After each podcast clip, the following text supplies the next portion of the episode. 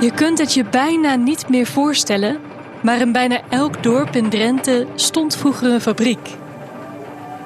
Wat voor een en hoe groot zo'n fabriek dan was, dat hoor je in deze vijfdelige podcastserie.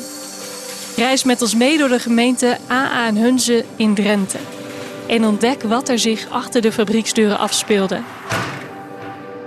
De Dorpsfabriek, aflevering 4, de cementfabriek in Gieten.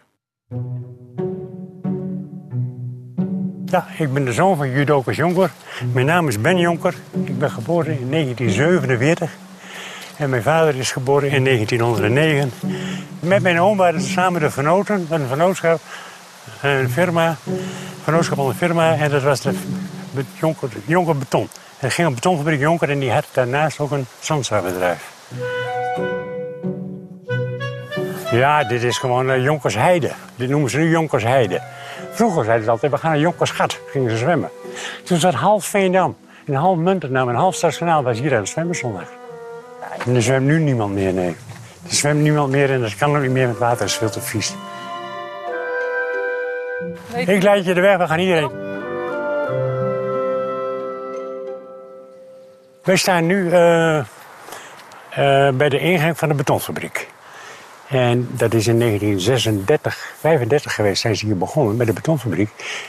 Weet waarom? Daarachter kwamen ze er ontdekken, er zat zand. En voor de betonfabriek had je scherp zand nodig. En daar zat scherp zand. Dat kon aangevoerd worden, maar geen grind.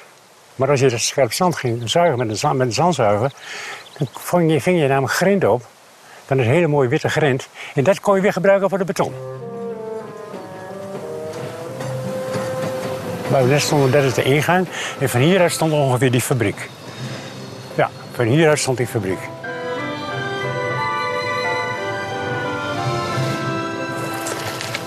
En er stond hiernaast, tegen een pad daarnaast aan, daar stond een gebouw. En daar werden toen de dakpannen werden daar, uh, gemaakt.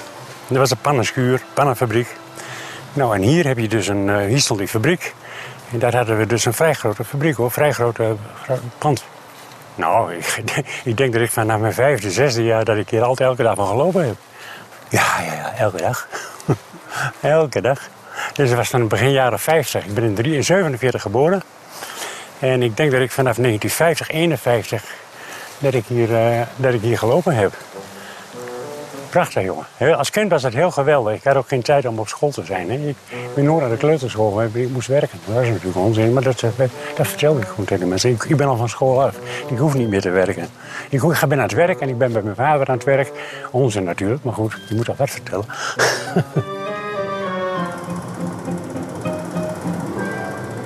Och ja, wij waren met, met, met, met, de betonfabriek waren we bezig. We waren zelf met, met putjes aan het slepen. En we waren met mijn oom, ik moest dan ook meehelpen. Van mijn oom moest ik ook meehelpen. Ja, wat deed je dan?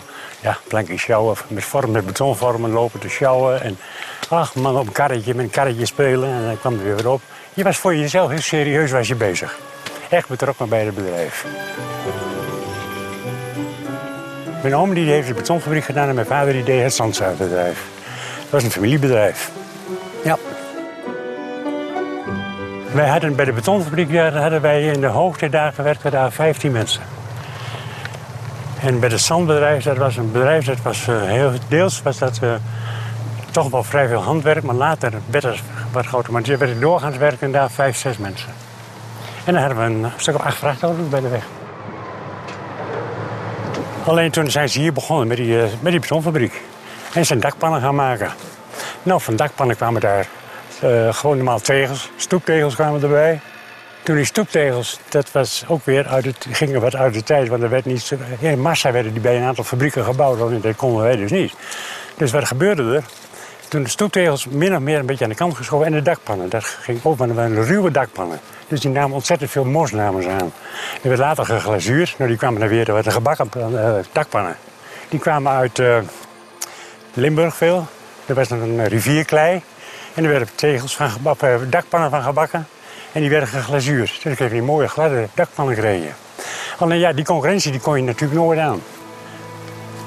Het einde van het liedje was dat ze zeggen, ja, wat moeten we nu gaan doen? Toen gingen ze sepsietanks maken. Ze gingen grafkelders gingen ze maken. Dus al die begraafplaatsen hier in Gieten, we hebben de Honderden grafkelders hebben wij geplaatst. En dat was heel bewerkelijk natuurlijk. Opstaansmorgens werken. Hoe zaterdagsmiddags niks doen. Ga maar gras maaien buiten. Ga die vrachtauto maar schoonmaken. Dat was gewoon, ja, dat was gewoon normaal. Dat was normaal. Zo lezen we vroeger.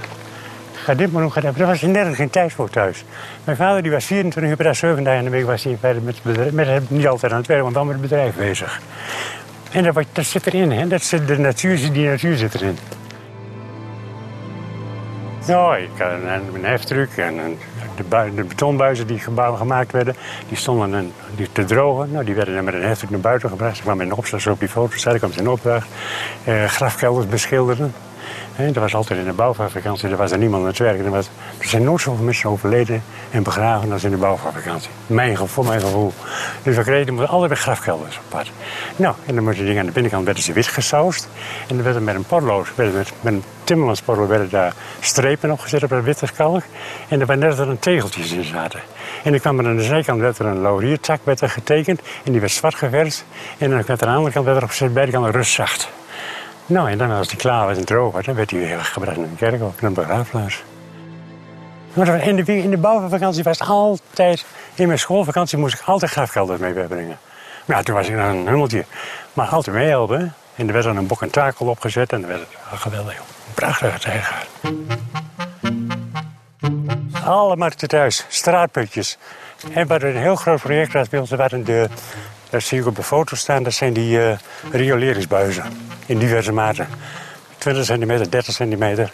En dat was in feite de grootste, grootste het meeste werk zat daarin. Dat was het grootste project. Die tijden veranderen. Maar dat was in de bouw net zo hoor. Wij hebben toen in de tijd ontzettend veel aan de nieuwbouw geleverd. Al die, die al die eh welputten, al die regenputten hebben wij allemaal gemaakt. Voor de gemeente allemaal in Gieten en omstreken. Maar dat was in Gieten, dat was in, in Almelo, dat was in Annen, dat was in Groningen, dat was in Zuid-Laren. Dat was toen een hele goede industrie op zich wel. Maar geen toekomst. Dan moet je een keer stoppen. En dan kun je zeggen, nou, wij gaan failliet gaan. Hebben we niet gedaan. We hebben toen de zandzuigerij verkocht. Is nu een natuurgebied. Ik heb het eh, in 1970, nee, later. Ik ben in, tegen, de, tegen nee, in 1980 ben ik hier gaan wonen, in het ouderlijke huis. De betonfabriek stond er toen nog. Alles was nog intact. Alleen toen kreeg ik er een bord op van een eh, meneer. Die eh, zou hier wel even een natuurterrein beginnen, een, een kampeerterrein beginnen. Die is nu van de gemeente. Ja, de gemeente die heeft het uit het faillissement van die meneer teruggekocht. Voor heel weinig geld. Ik had het toen direct terug moeten kopen, maar heb ik niet gedaan. Beetje dom geweest, misschien achteraf. maar- Maar op deze plek eigenlijk niet, niet dat je zegt van jongen, jongen, jongen, wat een verlies. No, no, joh. Het was ook heel bewerkelijk. Het was ook altijd koud.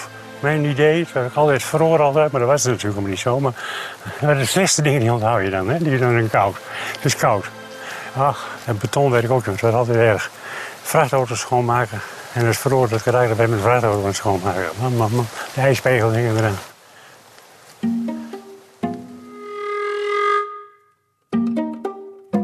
Wil je de auto- en fietsroute langs de vijf fabrieken volgen?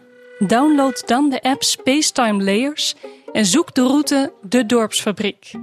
Op de website www.drentsarchief.nl schuine streep dorpsfabriek vind je ook alle informatie over de podcast en vind je de route.